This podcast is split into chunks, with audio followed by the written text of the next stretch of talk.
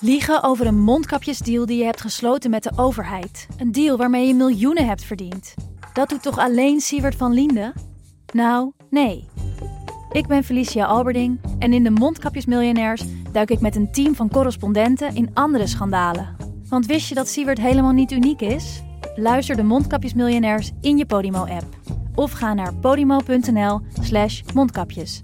En probeer Podimo 30 dagen. podimo.nl slash mondkapjes.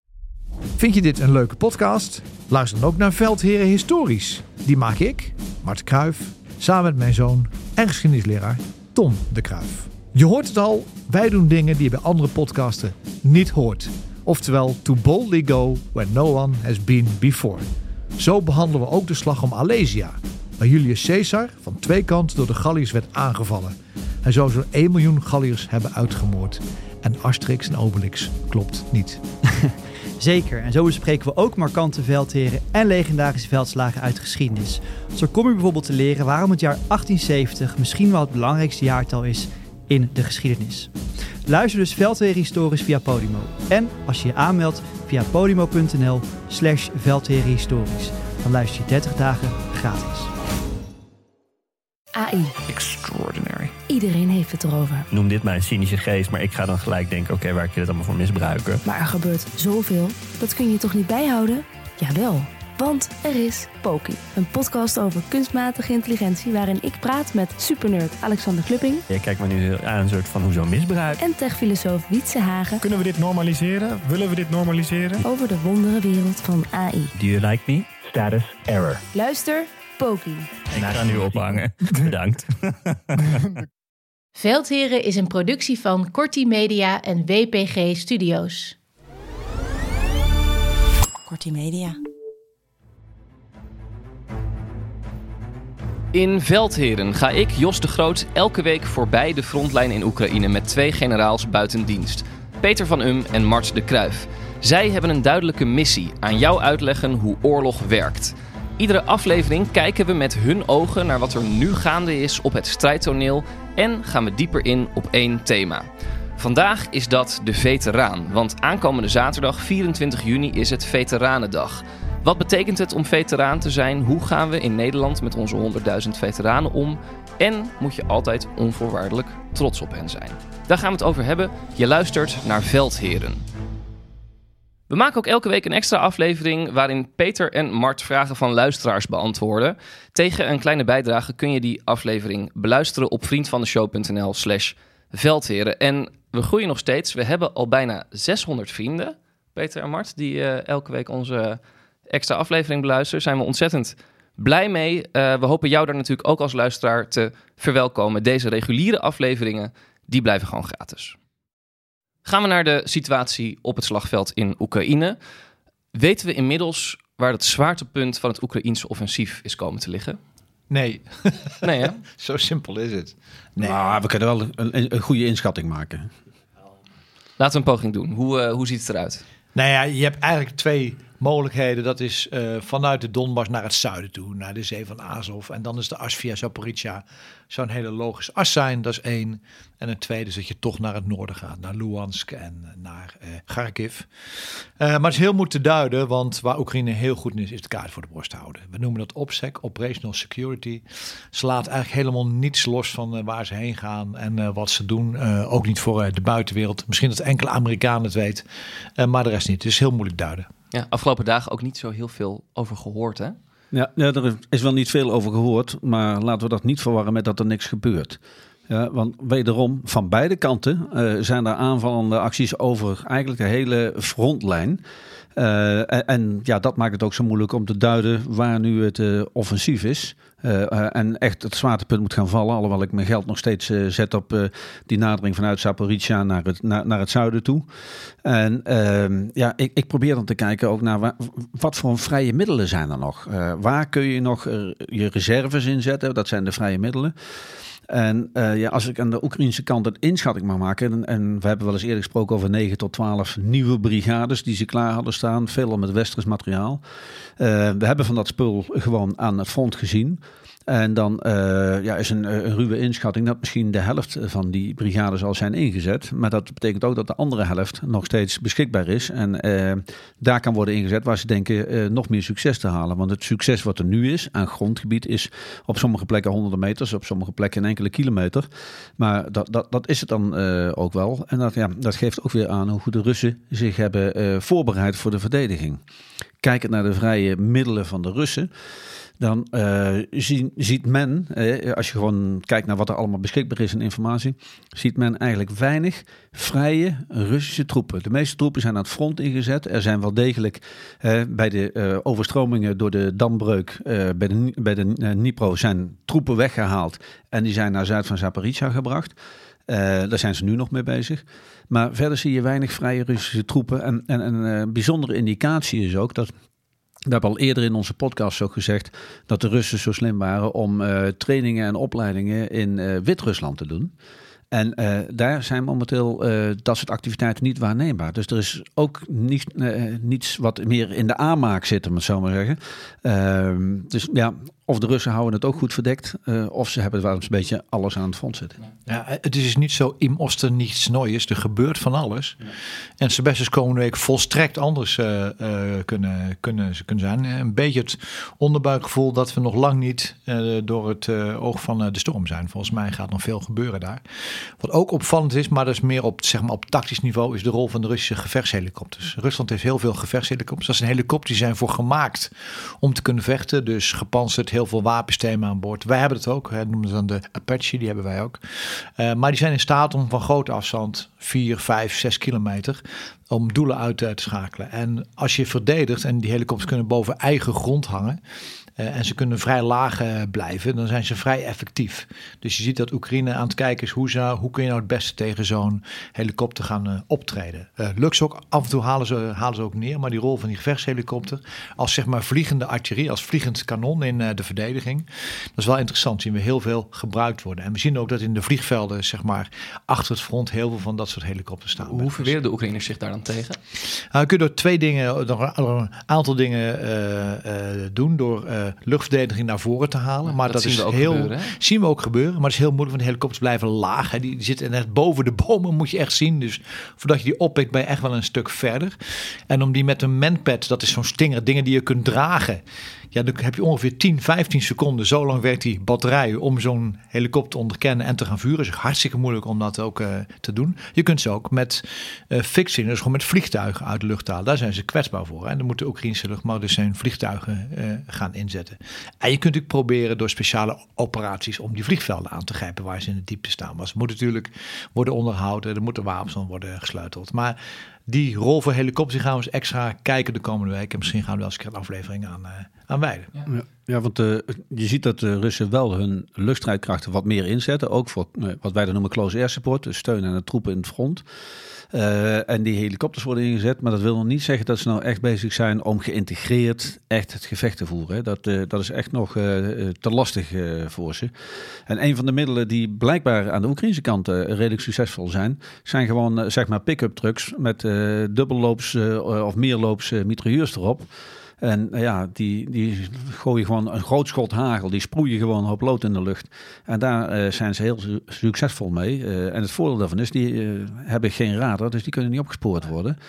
Uh, dus dat, dat zijn uh, dingen waar die helikopters denk ik wel heel bang voor zijn. En ja, uh, zei het al, hoe laag die helikopters vliegen. even toch voor de luisteraarsbeeld.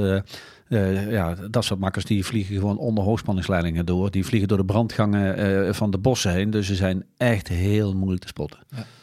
Mart, jij zei net, um, we weten eigenlijk weinig hè, over de plannen van de Oekraïne. Misschien een enkele Amerikaan uh, die, die weet wat er gaat gebeuren. Daar hebben we een luisteraarsvraag over van Noor.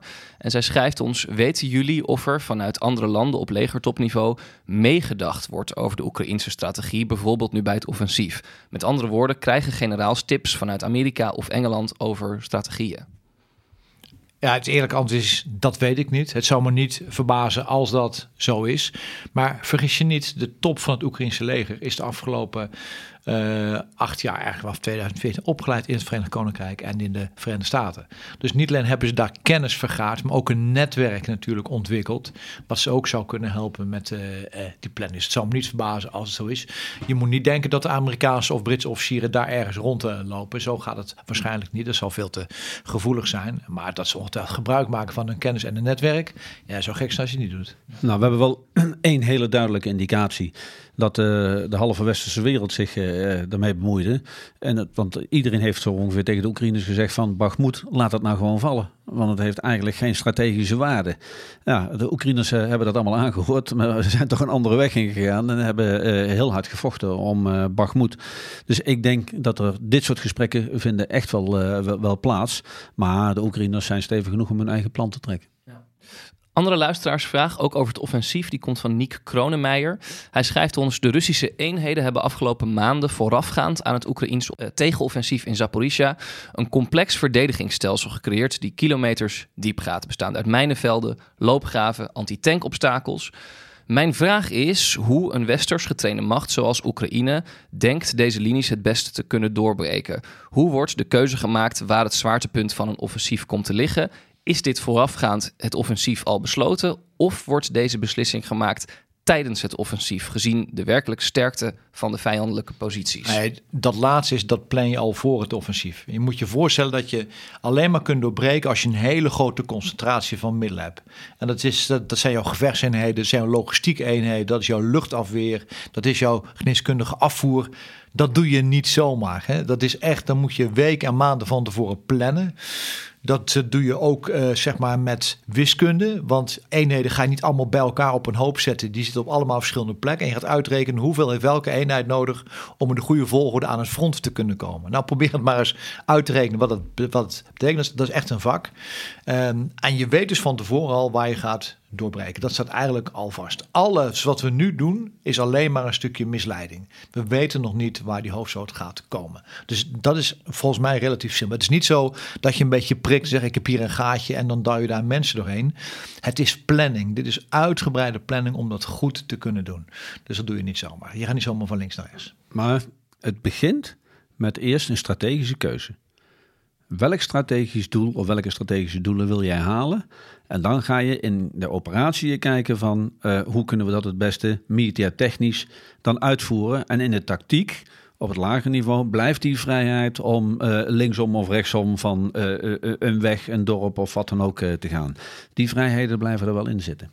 Ja, je moet commandant ook die vrijheden geven, anders kun je het terrein gewoon niet uitbuiten. er zitten altijd gaten in het terrein, geen enkele verdediging zit helemaal dicht. Alleen dat, dat kun je niet centraal doen. Dan moet je met je poot in de klei staan en zeggen waar heb ik kans om naar voren te gaan. We, hebben, al eerder aangegeven, als je uh, naar de strategische doelen zou kijken, dan zou Oekraïne het meeste winst, ja, ik tussen aanhalingstekens behalen, door die actie naar het zuiden te doen. Want daarmee snijden ze echt uh, de Krim af. Kunnen ze misschien een deel van de Russische troepen uh, afsnijden. dan is de Krim volledig afhankelijk van die brug, die natuurlijk vrij kwetsbaar is, die ene brug. en ja, wat ik dan laatst weer vernam, ze kunnen dan nog beter hun lange afstandsmiddelen inzetten op de Krim. Dus daar doen ze gewoon Poetin en zijn uh, ja, trawanten het meeste pijn mee. Kijk, het is ook niet voor niks dat de Russen deze week nog hebben gedreigd dat als Oekraïne zijn lange afstandsmiddelen inzet naar de Krim, dan wordt er zo'n verhulde bedreiging naar de gebruik van kernwapens uh, wordt uh, ingezet. Dus dat laat maar zien hoe kwetsbaar en hoe gevoelig die Krim voor de Russen is. Ja. Nu schrijft um, de Institute for the Study of War deze week uh, dat er sprake zou zijn van een tijdelijke pauze om de aanvalstactieken te evalueren. Uh, dus gedurende dat offensief van de Oekraïners, is, is dat eigenlijk gebruikelijk om een pauze in te lassen? Uh, ja, kijk, er zijn een heleboel redenen om een pauze in te lassen. Dat kan zijn dat je, we noemen dat bij de chic woord, echelons wisselt. Dus dat je eenheden die zijn gesleten aan het front, dat je die aflost de andere eenheden. Of dat je ze weer optopt met munitie, dat je ze even rust geeft, dat je andere dingen kunt doen. zijn allemaal redenen om even uh, pauzeren. Het kan er ook zijn dat het een stukje misleiding is. Je zegt, we gaan pauzeren en je valt gewoon aan. Alles kan in deze fase zo zijn. Maar je moet je indenken, als jij offensief bezig bent, dan kun je dat geen weken achter elkaar doen. De slijtage is zodanig hoog dat op een gegeven moment moet je gewoon rust en recuperatie en herstel moet je ergens incalculeren. En dat is ongetwijfeld ook in zo'n offensief gebeuren. Er is nooit één offensief wat wekenlang met dezelfde intensiteit doorgaat. Hoe ziet dat er eigenlijk uit, een pauze in een offensief? Uh, in, in, een offensief, dat betekent dat je dus uh, met de koppen tegenover elkaar staat. En ja. de mensen aan het front, die uh, houden elkaar wel scherp. En daarachter, ja, je laat mensen, wat wij dat noemen, recupereren. Je doet je logistiek weer opnieuw. Hè. Ik heb altijd gezegd, de enige die altijd met scherp schieten, zijn de logistici. Want als de munitie en de brandstof er niet is, of het eten er niet is, nou, dan hebben we een probleem. Uh, dus uh, zo, zo, gaat, zo gaat dat gewoon. En uh, ook gewoon het feit dat mensen weer echt tijd krijgen om gewoon eens even te slapen. Maar het is gewoon puur praktisch, hè? want ze zitten in de loopgraven bijvoorbeeld. Ja, de voorste. Ja, precies. Ja. Maar die, die zullen daar blijven zitten, want ja, je moet toch zeker. je positie verdedigen. Ja, dat is wel, en die houden hun ogen open, dat is ja. wel verstandig. Ja, ja maar, maar degenen die daar net achter zitten, die kunnen toch hun rust pakken, kunnen hun bevoorrading doen, uh, kunnen dingen, repar kleine reparaties doen. Uh, dat, dat, dat kan allemaal gebeuren. En de stukken trein die je hebt voorover, die ga je dan consolideren, zoals het heet. Die ga je dus ter verdediging uh, voorbereiden, zodat de Russen jou er niet uit kunnen gooien. Dus dat noem je dan een, een pauze omdat je niet naar voren gaat. Maar eigenlijk is het het conditioneren van de trein om ook de verdediging te kunnen voeren. Ja. En kunnen we stellen op dit moment uh, dat we nog geen grote winst zien voor Oekraïne in dat offensief? Of is dat te stellig? Nee, ik denk dat dat de juiste constatering is. Wat ik net al zei, uh, op sommige plekken hebben ze een paar honderd meter uh, gewonnen. Op sommige plekken een paar kilometer. Uh, maar, maar, dat is natuurlijk niet het behalen van een groot strategisch doel. Zoals het afsnijden van een aantal Russische eenheden of zelfs de hele Krim. Ja. Let op, die wereld kan zo veranderen. Ik zeg niet dat het gebeurt, maar we zagen dat de geallieerden bijna twee maanden zaten opgesloten in Normandië na de invasie. Eigenlijk nauwelijks vooruit kwamen. En in één keer was daar een doorbraak. En in één keer rolden ze de Duitsers helemaal op tot aan de Belgische grens uh, aan toe. Dus ik zeg niet dat het hier gaat gebeuren, maar het feit dat het nu zeg maar meter voor meter gaat, is geen indicatie dat het ook op het einde zo zal gaan. Dat weten we nu nog niet zeker, omdat Peter ook zei, een gedeelte van die vrije indeelbare reserves van Oekraïne, die hebben ze al achter de hand. Dus als ze die gaan inzetten, dan komen we dichter bij een beslissing. Laten we nog even naar een ander onderwerp gaan. Vorige week, net nadat wij aflevering 17 van Veldheer hadden opgenomen, uh, kwam Nieuwsuur met het bericht dat de VS Oekraïne waarschuwde uh, om de Nord Stream gasleiding niet te saboteren. Uh, na een alarm van de Nederlandse militaire inlichtingendienst, de MIVD.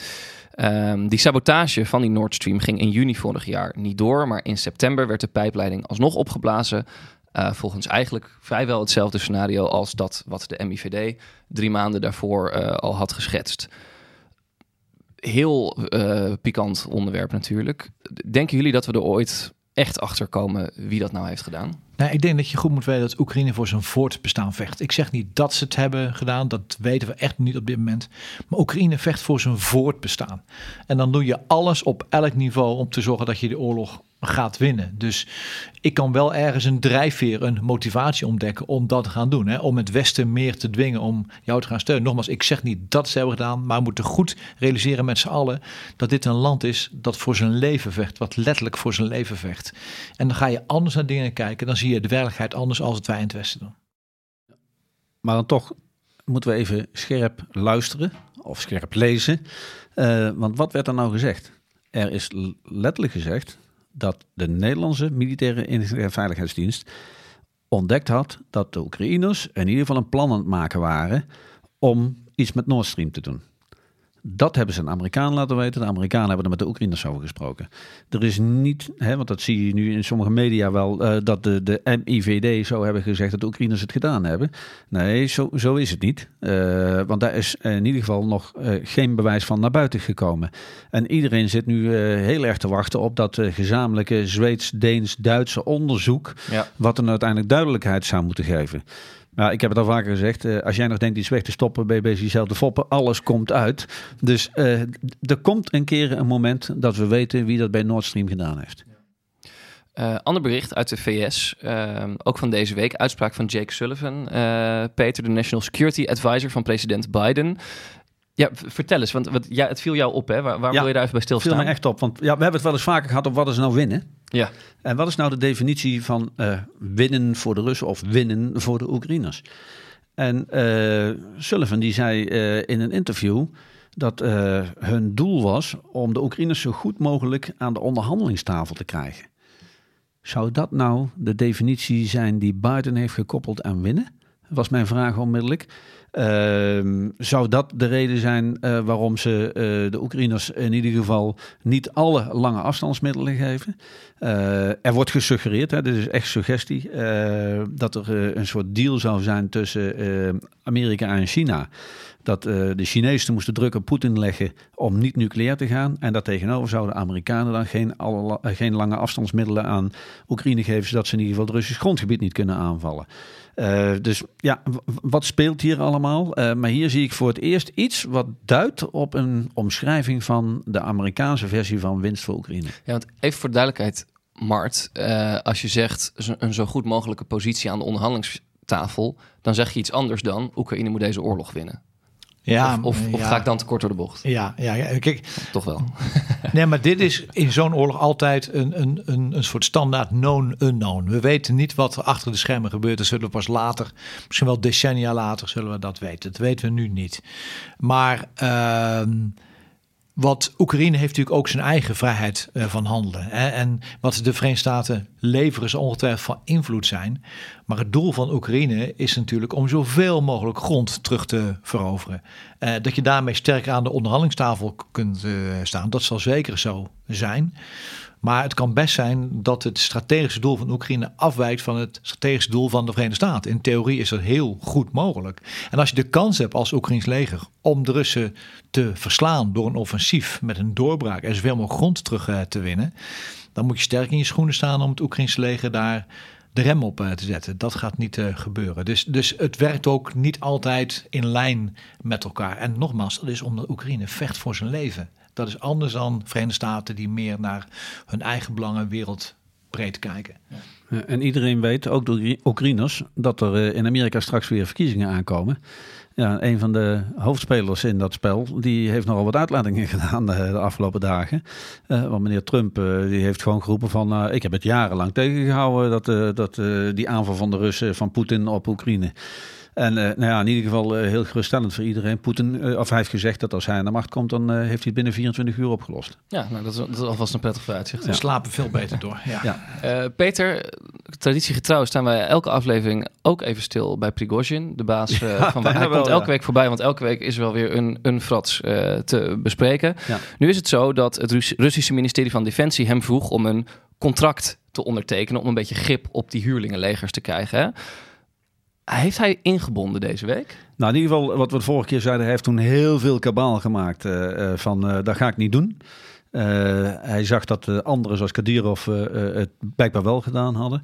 Eh, er zijn nog wat van dat soort huurlingenlegertjes eh, die hoofdzakelijk van Gazprom afkomen. Die hebben blijkbaar ook eh, alle stappen gezet richting het ministerie van Defensie. En, ja, en nu eh, ehm, horen we dat hij wel een contract zou hebben getekend, maar dat hij nogal wat concessies heeft gekregen over logistiek, munitie en dat soort dingen, trainingen, eh, ehm, dat hij dat allemaal bedongen heeft. Dus ja, dan heeft hij in ieder geval een beetje ingebonden. Ja. En eh, ja, moet, moeten we zien hoe, hoe dat eh, zich vorm krijgt. Maar aan de andere kant heeft, is hij weer een kleine eh, pissing contest begonnen. Eh, want blijkbaar had Poetin geroepen dat van al die gevangenen die vrijkwamen, maar een zeer laag recidieve percentage was. De gevangenen En- die hebben gevochten in Ja, die gevochten hebben. En, en onmiddellijk heeft Prigozhin daarna geroepen dat die van hem, die doen het nog beter. Daar heeft hij een nog lager percentage. Ja, dus wat drijft die man om dat soort dingen te doen? Dat vraag ik me echt af. Nou ja, over contracten. Hè? Ik dacht dat wij een bureaucratisch eh, ministerie hadden van Defensie. Maar we zijn dus kennelijk niet de enige. Maar ik moet wel goed eh, weten dat Prigozhin niet in de inner circle van het Kremlin zelf zit. Dat zijn vijf personen, waaronder Shogun, waaronder Gerasimov, waaronder Poetin zelf. Daar hoort hij niet bij. En het feit dat hij daar niet bij hoort, geeft hem misschien ook wel iets meer vrijheid van handelen om af en toe zijn eigen weg eh, te gaan. Dus, maar het is niet zo dat hij nu echt in de krochten van het Kremlin aan de grootste tafel zit. Nee, maar, hij, maar hij is wel weer eh, heel hard aan het trekken om eh, nieuwe eh, mensen bij hem binnen te krijgen. Mhm. Ehm, want ja, hij heeft toch wel grote verliezen geleden. En eh, ja, hij is met allerlei wervingcampagnes nu bezig om, eh, om nieuwe mensen aan te trekken. Maar, die- Met, mooie, hele mooie beloftes. ja, maar die 32.000 ex-gevangenen die voor Wagner hebben gevochten, die zouden weer vrij zijn en die gaan terug de Russische samenleving in. Ja, ehm, en die hebben dus, ja, moet, moeten we even helder hebben. Hij heeft ze geronseld in de gevangenissen. De belofte was zes maanden aan het front. Daarna laat ik je gaan en ben je ook van je straf af. En dan konden ze dus naar huis. Nou, dat zijn er dus nu 32.000, wat hij in ieder geval noemt. Uh, hij heeft het niet over al die lui die uh, uh, het helaas niet gehaald hebben en die nou, in massagraven, want daar hebben we gewoon informatie over, gestopt zijn en die weggemoffeld zijn. Maar die 32.000, ja, die gaan dus terug naar de samenleving in. En ja, wat, wat moeten die daar dan doen? Die hebben uh, een heleboel, nou, op zijn minst spannende, misschien wel traumatische dingen meegemaakt. Ze hebben een verleden wat ook niet al te, te kosher is, om het zo maar te zeggen. Dus ja, en welke status hebben die mensen? Uh, hebben die nou de status van veteraan in Rusland? Als je kunnen gaan werven. Ja. Sorry? Ze kunnen gaan werven. Ja, ze kunnen gaan werven. Ja, ja dat zou kunnen. Maar, maar, kijk, als er uh, uh, militairen van het reguliere leger uh, in Rusland overlijden, dan wordt hij toch met enige ceremonieel ja. begraven. En, en, en, en, en wordt er uh, een soort pensioentje naar de nabestaanden gedaan en dergelijke. Ja, ik, ik weet niet hoe dat bij, bij Precaution allemaal Maar Peter zei het al, we weten ook niet of de aantallen kloppen. Hè? Nee, dat is ik bedoel, de vraag is of die waardegroep echt zo verschrikkelijk groot is. Dat vraag ik me echt af. Het woord veteraan is gevallen. Laten we daarover gaan doorpraten. Ja, want dat is het thema van deze week, de veteraan. Uh, misschien nog heel even kort over Wagner. Peter, jij gooi, dit op. Zouden jullie zeggen, die, die strijders voor Wagner, die dus terug de Russische maatschappij ingaan, zijn dat veteranen? Um, nou ja, dan moeten we eerst eventjes uh, vaststellen wat we onder veteraan verstaan. Laten we dat doen. In ieder geval in Nederland. Hè. Uh, en de definitie is dat een militair of oud-militair met een Nederlandse nationaliteit, die het koninkrijk diende in oorlogsomstandigheden of vergelijkbare situaties.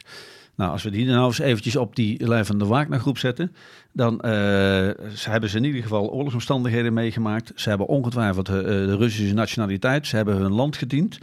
Maar zijn ze nou formeel militair of oud-militair, ja of nee? Er zullen er ongetwijfeld een aantal zijn die oud-militair waren, de gevangenis in zijn gegaan en dan bij Wagner terecht zijn gekomen. Of de gevangenis hebben overgeslagen en rechtstreeks vanuit de krijgsmacht naar Wagner toe zijn gegaan. Uh, die zou zich misschien kunnen beroepen op hun oude status. Maar zolang Wagner eigenlijk geen verbinding had met het ministerie, is dus de vraag of zij in Rusland erkend worden als veteraan. dat, dat, dat is echt de grote vraag. Ze hebben natuurlijk wel de dingen meegemaakt die iedere veteraan heeft meegemaakt. En dan moet ik wel zeggen, uh, voor een hoop luisteraars, uh, mensen hebben vaak toch nog een beeld bij een veteraan van een, van een oude man. En dat beeld wil ik toch even, eventjes rechtzetten. Want in ieder geval in Nederland, dus alle militairen die in dat soort omstandigheden zijn geweest, of je nou actief dienend nog bent, of inmiddels met pensioen of de dienende krijgsmacht hebt verlaten, jij bent veteraan. Dus we hebben een heleboel jonge veteranen in Nederland.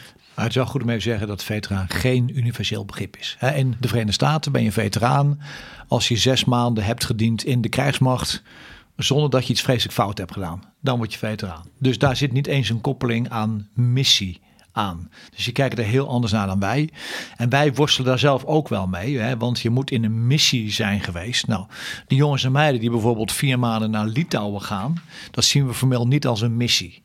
Dus die zijn nog formeel geen veteraan. De mensen in de Koude Oorlog hebben gevochten, worden ook niet als veteraan gezien. Dat leidt natuurlijk tot een bepaalde wrijving, dat zie je nu ook, want die missies nemen, of die inzet aan het Oostblok neemt alleen maar toe. Maar formeel zijn dat dus geen veteraan. Je bent wel vier maanden van huis, maar je bent geen veteraan. Dat gaat natuurlijk ook hier een keer tot discussie leiden. Dus die discussie over wat is een veteraan, zullen we altijd houden. Heeft ook te maken natuurlijk met een financiële uh, statie erbij zit. Want als veteraan heb je recht op gebruik van de Veteranenwet. En dat is eigenlijk een wet die ervoor is gebouwd om een veteraan onder alle omstandigheden toegang te geven uh, tot medische hulp als hij dat nodig heeft. Hij en de mensen die hem naast staan. Dus je ziet ook dat we in Nederland een beetje worstelen met de definitie uh, veteraan. Want eigenlijk vinden heel veel mensen dat die jongens en meiden die nu in Litouwen zitten bijvoorbeeld ook veteraan zijn. Ja. Maar die status krijgen ze nog niet. Maar eigenlijk om het even concreet te maken, want die worsteling in Nederland die werd vorige week heel duidelijk zichtbaar. Natuurlijk met het debat in de Tweede Kamer uh, over de, de inzet van Nederlandse militairen in, in Nederlands-Indië na de Tweede Wereldoorlog. Um, wat zagen jullie daar gebeuren in dat debat? Ja, kijk, je moet je voorstellen dat wij in Nederland hebben gewoon een hele goede veteranenwet. Dus we hebben het conceptueel qua organisatie gewoon goed uh, geregeld. En beter dan in veel andere landen. Wij kijken wel eens naar de Verenigde Staten. Van daar zo is goed voor een uh, veteraan. Als je in SeaWorld komt, dan mag je gaan staan als veteraan. Iedereen klapt jou, dat is waar. In SeaWorld? In SeaWorld, hè, dat is echt zo, dan mag je gaan staan. Maar als jij naar de daklozen gaat in San Francisco en Los Angeles... en ik heb er een paar gesproken afgelopen jaar... de helft daarvan is veteraan. Als jij niet voldoet aan het ideale maatschappijbeeld en je zit aan de dark side of life, dan heb je als veteraan in de Verenigde Staten niet dat vangnet wat we hier hebben. Dus we mogen best trots op zijn. Daar mogen we trots op zijn. Aan de andere kant is er ook de mentale kant van hoe we met veteranen omgaan. En dan zie je telkens toch een patroon hè, dat als het nodig is dat de regering voor de veteranen gaat staan, dat we daar moeite mee hebben. Want afgelopen week was het debat over Indië. Ik denk niet dat er discussies dat er oorlogsmisdaden zijn gepleegd aan beide kanten. Maar de cruciale vraag. Niemand ontkent dat. Precies. Maar een wetenschappelijk onderzoek vereist ook dat je gaat vragen waarom is het gebeurd. Eigenlijk de cruciale vraag: hadden we een krijgsmacht die in staat was om die opdracht uit te voeren? Dan moet je volgende even voorstellen. Als we nu een pelotonscommand op de KMA vier jaar lang opleiden en die gaat naar Oeruzgan, dan denken we, kan hij dat wel? Heeft hij wel de ervaring? De jongens daar waren oorlogsvelers die vier weken zijn opgeleid, op een schip werden gezet naar Indië toe. Er stonden kniller aan de kade, Koninklijk Nederlands-Indisch leger. En zei, vergeet alles wat je hebt geleerd, we doen het hier anders. En ze gingen geen jaar naar Indië, maar ze bleven drie jaar in Indië. Eigenlijk, eigenlijk moet je zeggen, was de krijgsmacht in die tijd in staat om de gegeven opdracht uit te voeren en alles wijst naar nee. Als dat zo is, moet je ook als regering dat meenemen in je afweging. Als je dan echt niet voor je veteranen gestaan op dat moment en die nuance niet meeneemt in het debat, hè, wat Rutte niet deed, ja, dan is dat jammer. Dan kunnen we roepen, ik vind uh, veteranen zo belangrijk. En nogmaals, er is een hele goede veteranenwet. Maar de proof of the pudding is in the eating. En op zo'n moment had ik meer verwacht van de regering dat ze voor hun veteranen gingen zijn. Want vergis je niet, die kwamen terug, was geen nazorg. Geen muziek op de kades, moest eigen treinkaartje in huis moesten betalen. Er was helemaal niets voor ze geregeld. Ook toen ze terugkwamen na drie jaar. Peter, jouw schoonvader uh, ja. heeft gediend in, in Indië, toch? Ja, mijn, mijn schoonvader uh, heeft in de Tweede Wereldoorlog geprobeerd toch naar Engeland te komen. Dat is hem niet gelukt. uh, heeft uiteindelijk nog aan de Atlantikwal moeten, moeten werken. Kwam uiteindelijk toch daar weg. Toen de bevrijding in Nederland was, heeft hij onmiddellijk zijn vinger opgestoken en kon naar de Prinses Irene Brigade, want hij was dienstplichtig soldaat in 40. heeft dus meegedaan aan de bevrijding van Nederland. Voelde zich ja, toch een beetje geremd na de oorlog, wilde nog dingen en heeft zich gemeld van ik wil wel naar Indië. Heeft daar bijna vier jaar gezeten. heeft daar van alles meegemaakt. kwamen we later pas achter. En uh, ja, toen hij terugkwam met schip in Rotterdam, kreeg hij een lunchpakket en een sinaasappel. Succes. En dat was het dan. Uh, dus we hebben ook in Nederland door schade en schande moeten leren. Hè, bewust zeg ik dat, schade en schande moeten leren hoe we voor die veteranen moeten zorgen. En uh, ook ik heb dat moeten leren. Want toen ik gewoon in 1983 terugkwam uit Libanon, deden we eigenlijk hetzelfde als wat met mijn schoonvader gebeurde. Oké, we kregen dan nog wel een lintje. En, en, en, een grote ceremonie. Maar daarna ging iedereen zijn zwees, om het zo maar te zeggen, en ging verder met zijn leven. We dachten dat het wel vanzelf zou gaan. Dus we hebben toch 25 jaar later. Ja. En dus, dus hebben we uh, echt moeten leren uh, hoe nou je voor veteranen moet zorgen. En ja, als we dan kijken hoe we dat nu doen. Wij, wij, spreken dan in Nederland met name met de ervaring van de laatste missies. Maar dan zie je dat we weten dat als er spannende dingen zijn gebeurd die mogen traumatisch zijn, dat je bij elkaar gaat zitten. Want in je primaire groep uh, kun je dat soort dingen het beste ja, daarmee omgaan. En dan met elkaar erover praten. Desnoods met hulp van een uh, socioloog, een psycholoog, desnoods een oudere collega, uh, een dominee of een almoezenier. Maar praat erover. Dan kun je ook het beste zien, hoe, nou, wacht even, deze gaat wel goed of die moeten we nog eens een keer even een extra gesprek mee hebben. Dus daar begint het al. Als ik even naar jullie kijk, wat betekent het eigenlijk voor jullie om veteraan te zijn? Ja, ik, ik, ik, heb er altijd uh, uh, vrij nuchter in gestaan. En nou, voor mij was echt een, een, een eye-opener. Ehm, ik was in Libanon geweest, ging gewoon door met mijn leven. En op een gegeven moment werd ik bataljonscommandant. van de, de grenadiers. Ja, in eerste instantie later van de grenadiers en jagers. En met Prinsjesdag, ja, dan mag je voor de gouden koets lopen. En met die berenmuts op. En die jongens die kwamen allemaal net terug uit Srebrenica. En die hadden allemaal hun lintjes bij zich. Want dat lintje is erkenning, is waardering. En die cirkel van Van Num had zijn lintjes niet bij zich. Want ik, ja, ah, het was de, eh, de Hollandse nuchterheid van, ja jongens, ik heb mijn werk gedaan. eh, eh. en ik dacht van, jee, als die makkers dat belangrijk vinden, wie ben ik dan om da- dat niet belangrijk te vinden en dat maar normaal te vinden? Dus eh, zo begon bij mij het echte besef van, ja, eh, erkenning en waardering is wel degelijk heel erg belangrijk. En eh, daar moet je dus echt rekening mee houden. Dus ik heb vanaf dat moment altijd mijn lintjes opgedaan.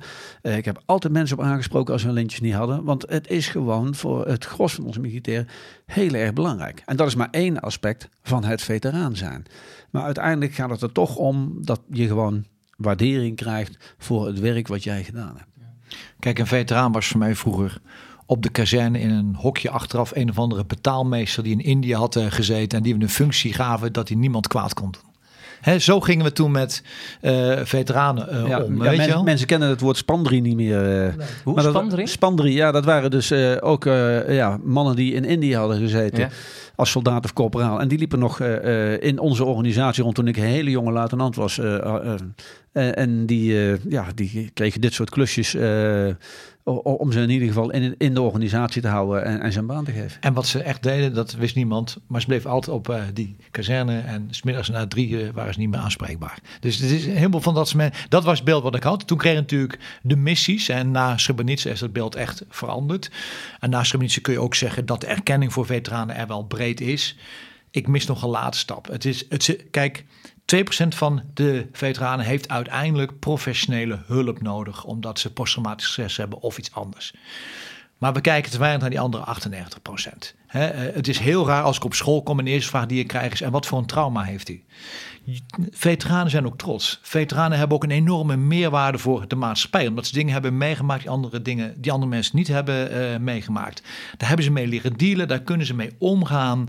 Ze kunnen mensen vormen, ze zijn niet gelijk in de stress. Het is een enorme kracht. En ik vind eigenlijk dat die erkenning is, maar we moeten nu veel meer Veteranendag een soort feest van herkenning maken. Veteranen is een kracht. En het zit mij nog te veel in de hoek. Weet je wel, veteranen hebben recht op erkenning en zijn zielig. Veteranen op die 2% na zijn helemaal niet zielig. Veteranen zijn apetrots wat ze hebben gedaan. Geloven in zichzelf. En hebben een maatschappelijke meerwaarde. Want eh, even naar jou persoonlijk ook. Wa- wa- Wat, ja, wat betekent het voor wa- wanneer voel jij, voel jij je veteraan? Wat betekent, heeft het een betekenis voor jou? Nee, eigenlijk, nee, nee. Ik bedoel, als je nou vraagt... ehm, vind je dat je naar een nationale veteranendag eh, dag eh, moet? Dan zeg ik, nee, dat, dat hoef ik niet. Want ik heb die erkenning, heb ik breed maatschappelijk. Ik denk dat het voor iedereen kan. Ik vind wel dat je een veteranendag anders zou moeten kunnen inrichten. Wat we daar missen is, het is veteranendag onder een stolp. Het zijn veteranen die elkaar daar zien en paraderen en dat is het. Ik mis het zaterdag, hè? Ja, veteranendag, ik ja. mis het thuisfront. Waarom geef je een vrij kaartje aan de militair en niet aan het thuisfront? Dus je moet het thuisfront daar volledig mee integreren. Ik mis ook het educatieve aspect van een veteranendag. Zorg dat je een tribune met 8000 kinderen tegenover de koning. En laat die kinderen zien, kijk, dit is de prijs voor vrijheid. Dat gaat niet zomaar. Deze mensen hebben dat gedaan. De een komt er beschadigd uit, de ander komt er sterker uit. Maar je moet het een nationale veteranendag maken. Nu is het een veteranendag onder een stolp. En dat vind ik zelf jammer. Je moet het doorontwikkelen. Jaap Smit, voorzitter, is er ook wel mee bezig om het door te ontwikkelen. Maar je moet het veel breder maken. Want nogmaals, veteranen is gewoon een kracht in de maatschappij. En eh, er zijn er een aantal die hebben echt hulp nodig. Maar de meesten zijn gewoon prima kerels. En vrouwen trouwens. Er is wel discussie geweest, begreep ik, eh, Mart, ook over bijvoorbeeld het meelopen van Duitse militairen op Veteranendag. Ja, een beetje een rare discussie. Want je kunt zeggen, de afgelopen 15 jaar hè, eh, in missies treden we op schouder aan schouder met andere landen. Echt schouder aan schouder. Soms in hetzelfde voertuig, zelfde helikopter, zelfde stuk terrein. Wat je ziet dat landen om ons heen, bijvoorbeeld Frankrijk, die eren dat ook. Hè. Er zijn ook Nederlandse eenheden die op 14 juillet, op 14 juli lopen mee op de Champs-Élysées, omdat ze hebben gediend. Wij hebben daar in Nederland nog steeds moeite mee gehad. En eigenlijk afgelopen jaar heeft het Duits-Nederlandse legerkorps, what's in the name, heeft voor het eerst meegelopen op Veteranendag. Terwijl eigenlijk de plaats van het commandant van het legerkorps al een aantal jaren een krans legt op de Gebbenberg, waar Duits en Nederlands tegen elkaar hebben gevochten. Want als je blijft hangen in het verleden, vergooi je je toekomst. Dus, dus je zult ook moeten erkennen dat veteranen hun veteranenschap opdoen in een internationale context, een internationale omgeving. En, en ook dat moet je dus laten zien. We doen het niet zelf als Nederland, we doen het altijd samen. Ja, we, moet, eh, we moeten dus niet vergeten dat moeten we zeker niet doen. Maar we moeten een moment eh, hebben waarop we kunnen vergeven. En uh, ik vind bijvoorbeeld heel mooi wat uh, de Nederlandse Oorlogsgravenstichting doet. Die is echt bezig om ook met onze voormalige tegenstanders gezamenlijk te herdenken. Want de, Duitser van nu is niet meer de Duitser van 1940. En we moeten samen verder. En ja, terug naar het Oekraïne-conflict, daar moeten we ook samen verder. En we zullen dus ook het land Oekraïne moeten gaan steunen bij de zorg voor hun veteranen. En als je dan kijkt naar ja, wat we net allemaal verteld hebben. Ik zie in Rusland in ieder geval niet zoveel van veteranenzorg. Daar ben je volgens mij gewoon aan jezelf en de goden overgeleverd. Je krijgt uh, misschien nog een klein pensioentje. Iedereen kent die beelden nog wel van de grote vrijheidsparade... waar al die oude mannetjes uh, stonden met de medailles... die één dag per jaar uh, daar acte de présence moeten geven. de rest van het jaar stonden een hoop van die oude mannetjes... gewoon te bedelen in de metro ja. in, in Moskou. Omdat van het staatspensioen konden ze niet leven. Ja, ehm, dus de zorg voor de veteranen in Rusland is, denk ik... nou laat ik het netjes zeggen, minimaal... Uh, laten we er nou voor zorgen dat het in de Oekraïne wel goed gaat. En dat we in ieder geval zorgen dat voor uh, gewonde militairen er de goede zorg is. Dat voor militairen die psychische problemen hebben, dat het de goede zorg is. En dat we uiteindelijk samen met de Oekraïners dat land opbouwen. Ja, en, en, en nog even terug naar uh, die Duitsers. Hè. Mm -hmm. Mijn vader was drie jaar uh, dwangarbeider in uh, Duitsland op de Daimler fabrieken voor de motoren voor de Messerschmitt. En mijn vader zei tegen mij, en het was nog vrij jong, hij is in 1980 overleden, die zei, maak, maak, maak nooit de fout om de tweede en de derde generatie Duitsers na de oorlog hun de schuld te geven van wat hun ouders of grootouders hebben gedaan. En zei hij, en dat vond ik misschien het meeste wijze woord, vergeving begint bij het slachtoffer. Vergeving begint bij het slachtoffer. Laten we dat uh, ja. onthouden. En, en, uiteindelijk moet dus de bevolking van een land moet, uh, moet een keus maken hoe ze daarmee omgaan. Ja. En ja, als, in Oekraïne, het hele volk is letterlijk betrokken bij deze oorlog. Er is geen ontsnappen aan. Ja, natuurlijk, ze kunnen naar, Nederland of naar Frankrijk of waar dan ook, kun, je weggaan. Maar je zit met je hart en je ziel bij die familie die toch in het land blijft. Uh, uh, en in Rusland voel je over het algemeen een grote gelatenheid, misschien wel onverschilligheid. Uh, misschien wel platgewalst door de PR-campagnes van, van Poetin. Het Russische volk is natuurlijk ook veel groter, maar is nog niet echt ja, betrokken bij, bij, bij het conflict. Ze laten het over zich heen komen. En als dan de veteranen komen, ja, dan praten we er liever ook niet over. Kijken we nog even naar volgende week. Nou, we hebben natuurlijk net besproken, er zou nu een soort van pauze zijn in dat offensief. Waar gaan jullie de komende dagen naar kijken? Nou, of die pauze uh, stopt en er weer echt activiteiten zijn. En ja, de, de hamvraag blijft nog steeds. Waar gaat Zelensky en uh, zijn strijdkrachten, waar gaan ze die nog steeds vrij inzetbare reserve inzetten? En, en wat gaan ze daarmee bereiken? Um, uiteindelijk zien we wel dat de, de Russen het verdedigend effect beter in de, in de vingers hebben. En dat ze veel dingen geleerd hebben. Ze gebruiken, want dat hebben wij net niet genoemd, maar ze gebruiken ook drones aanmerkelijk beter. Ja, ja. Dus ja, we zullen zien hoe het zich ontwikkelt. Ja, het is wel, is wel opvallend als je het woord pauze uh, koppelt aan deze oorlog, dan val je gelijk uit de eerste tien regels van teletext. Hè? Het is net alsof het verder niet meer zo interessant ja. is. En ik denk dat de komende week weer aardig los kan uh, gaan. Dus daar kijk ik met name naar. Ik denk nadat wat Peter zegt, die, die pauze gaat geen dagen duren. Er gaat echt wat uh, gebeuren. En, en, of het lukt of niet, of ze kunnen doorbreken of niet, dat weten we niet. Maar we weten dat we in een fase zitten dat we de beslissing van het offensief gewoon naderen met elke dag. En, en, en dat maakt natuurlijk heel erg scherp om te kijken wat er allemaal gebeurt. Gaan we, gaan we dat bekijken volgende week. Ik heb nog één uh, luisteraarsvraag. Die is van Mark Burgman. Hij schrijft ons: Ik hoorde in afgele afgelopen aflevering dat er uren Risk werd gespeeld door de generaals. Mag ik jullie attenderen op het bordspel Access and Allies? Dat is naar mijn mening nog veel leuker dan Risk. Ja, ik ken het. Ik zie jou knikken. Zeker, ja? zeker. Peter ja. van gehoord? Ja. Ik heb ervan gehoord, maar ik heb het nog nooit vastgehad. Ik heb het nog nooit gespeeld. nou, war, warme tip dus van Mark Burgman. Dan gaan we ook even zijn vraag goeie, beantwoorden. Goeie tip. Ja, oké, okay, heel goed. Uh, hij, hij stelt ook een vraag. Dat is het volgende. En nu ik toch aan het mailen ben, nog een vraag. Ik hoor steeds dat Poetin inzet op een lange oorlog. Maar is dit wel de juiste keuze voor hem? Want dat zou wellicht toch betekenen dat hij nog een keer moet mobiliseren. Maar hebben ze daar wel het materiaal voor? Um, ah, hij kan niet anders. Mm -hmm. uh, dus hij probeert met alle nadelen die de oorlog in tijd kost, probeert hij te dealen. En we weten dat ze een productie van munitie, vooral de simpelere munitiesoorten, zijn nog steeds in staat om aan te vullen aan het front. Dus dat loopt. Ze produceren ook weer tanks en panzervoertuigen. ze Waar ze moeite mee hebben is geavanceerde wapens waarin high-tech microchips uh, zitten. Daar hebben ze moeite mee. Maar ik denk dat vooral de politieke gevolgen van het mobiliseren, dat hij daar heel huiverig voor is. Want uh, dat heeft een enorm impact op uh, de maatschappij. De laatste in de oorlog niet zo goed gaat. En inderdaad, daar komt ook bij dat de vraag is of je überhaupt kan mobiliseren. Heb je de kazernes, de wapens, de uniformen, de kaderleden om dat te kunnen doen. Maar hij heeft geen andere keus. Maar dat weten we dus ook eigenlijk niet. Dat weten we niet. Maar hij heeft geen. Dus dan deal je met het tekorten die hebt, probeer zo goed mogelijk om te gaan. Ja het pakket van de Europese Unie, althans het voorstel voor von der Leyen om 50 miljard de komende jaren aan steun te doneren aan Oekraïne, is natuurlijk voor Poetin geen goed nieuws. Want Poetin hoopt echt dat het Westen niet te lange adem heeft om deze oorlog uh, vol te kunnen houden. Uh, maar het is wel de enige weg die hij nog heeft. En wat Peter al zei, er komen verkiezingen aan in uh, de Verenigde Staten. Er gaat van alles gebeuren. Dus hij ziet nog steeds kans voor zichzelf. Het is de enige optie die hij heeft. Ja, hij heeft nog een optie. Maar dat is een no-brainer. Uh, dat is uh, op een of andere manier on, aan de onderhandelingstafel gaan zitten. Stoppen met de gevechten, wapenstilstand en dat soort dingen. Maar dat, ja, dat, dat gaat hij gewoon absoluut niet doen. Want dat is een gezichtsverlies wat hij denk ik niet kan en niet wil leiden. Dus hij heeft nu maar één weg te gaan. En we moeten dan toch even terug.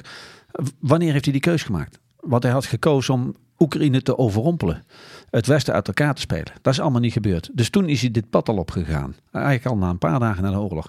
En hij, zit dus in die fuik en hij zal door, door, moeten zwemmen, om het zo maar te zeggen.